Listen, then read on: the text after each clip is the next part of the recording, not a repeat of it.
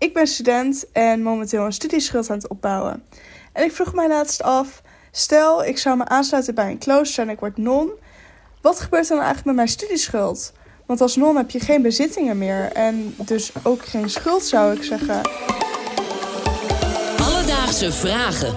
NPO Radio 1. Met Aaron de Jong en Ilan Hoekstra. Sabine uit Leiden, dankjewel voor je vraag.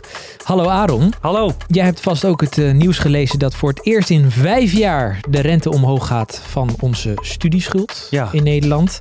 Eh, die stond eerst op 0%, maar die gaat vanaf januari naar 0,46 of zelfs 1,78. Dus wij dachten misschien is het een goed moment om de vraag van Sabine te gaan behandelen. En wat voor vraag? ja, want wij vroegen ons af, hoe kom je in hemelsnaam bij zo'n vraag? Dus we hebben Sabine voor de allereerste keer live in onze aflevering even gebeld. Hallo Sabine. Ja, leuk je te spreken. Ja, insgelijks. Eh, wij waren heel benieuwd. Hoe kom je erop? Ja, dat is een hele goede vraag. Nou, eigenlijk moet ik dan mijn broer de credits daarvoor geven. Eigenlijk was het gewoon tijdens een avondmaaltijd dat we daar met z'n tweeën over aan het spannen waren. En toen dachten we, ja, we weten de antwoord eigenlijk niet. En je, en je wist dus wel dat een non niet eh, bezittingen mag hebben. Ja, een beetje algemene kennis eh, is dat voor mij. Ja, ik weet verder niet heel veel van mijn kloosterleven, maar ja, ik ben wel geïnteresseerd in nou ja, een beetje cultuur als ik bijvoorbeeld naar een andere stad toe ga. Dus ja, ik ben wel eens in de buurt en in een klooster geweest, die vroeger dan eh, in gebruik is geweest. Nou, we hebben het voor je uitgezocht. Ik heb begrepen dat jij ook een studieschuld hebt. Ja, Eh, ik heb uh, studieschuld. Ja. Dus misschien brengen we jou nog op ideeën. Ja. ik blijf aan de lijn. Ja, en voordat we naar het antwoord gaan, wil ik eerst even uitleggen wat er nou precies verandert als je een non wordt. Daarover hebben we gebeld met de Conferentie Nederlandse Religieuzen, een belangenbehartiger voor onder andere nonnen. En ze hebben ons uitgelegd dat zodra je een klooster instapt, je afstand doet van al je eigen bezittingen.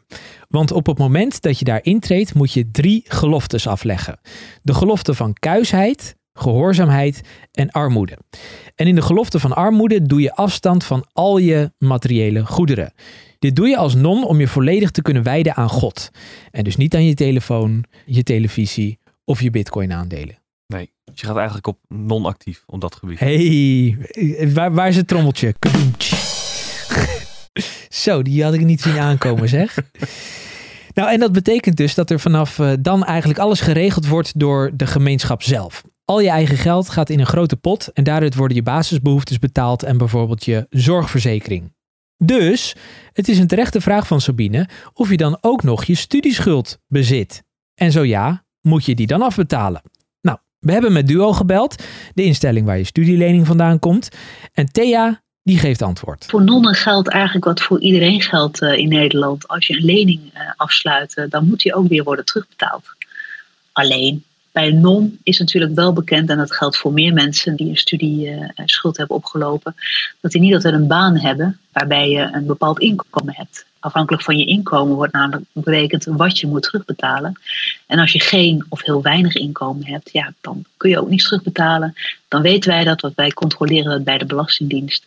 En dan uh, schuift eigenlijk de schuld op totdat je aan het einde komt van je terugbetalingsperiode. En dan, uh, als je nooit hebt terug kunnen terugbetalen en je voldoet aan alle regels, dan worden de schulden kwijtgescholden. Dus als je geen inkomen hebt, hoef je dus ook niks terug te betalen. En een non die heeft dat niet, dus hoeft ook niks terug te betalen.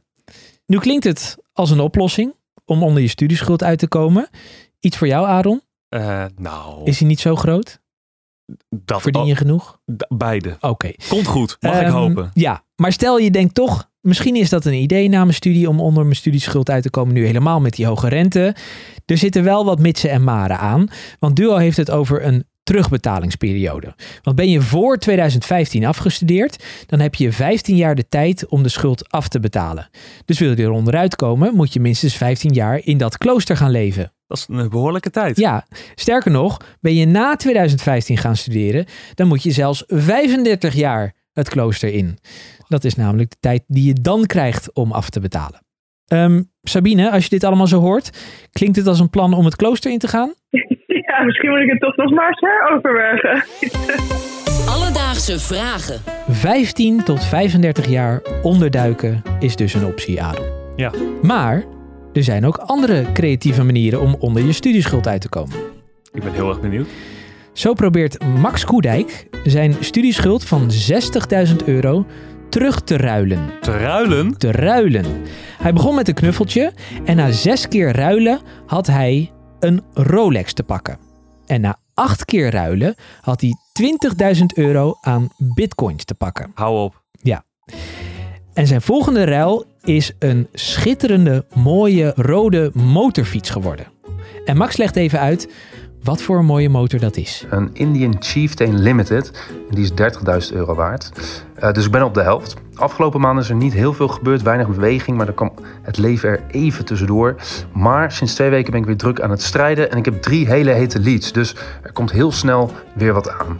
Um, ik denk nog twee keer ruilen. Um, er dus ook wel binnen een paar maanden vanaf te zijn. Als je wil zien hoe dat verloopt, dan kun je het volgen op Instagram, stufie-strijder. En als je de motor nog wil, uh, nog een bod wil doen, dan moet je heel snel mijn berichtje sturen. Want het kan maar zo te laat zijn. Wil je hem even zien? Ik ben wel benieuwd, ja. Nou, dit is hem. Zo, een blitse ding hoor. Niet verkeerd, toch? Nee. Het stufie-strijder op Instagram en je kan hem volgen. Dus, Sabine, moet een non haar studieschuld afbetalen? Nou, zolang ze 15 of 35 jaar in het klooster zit na haar studie, dan hoeft ze niet haar studieschuld af te betalen.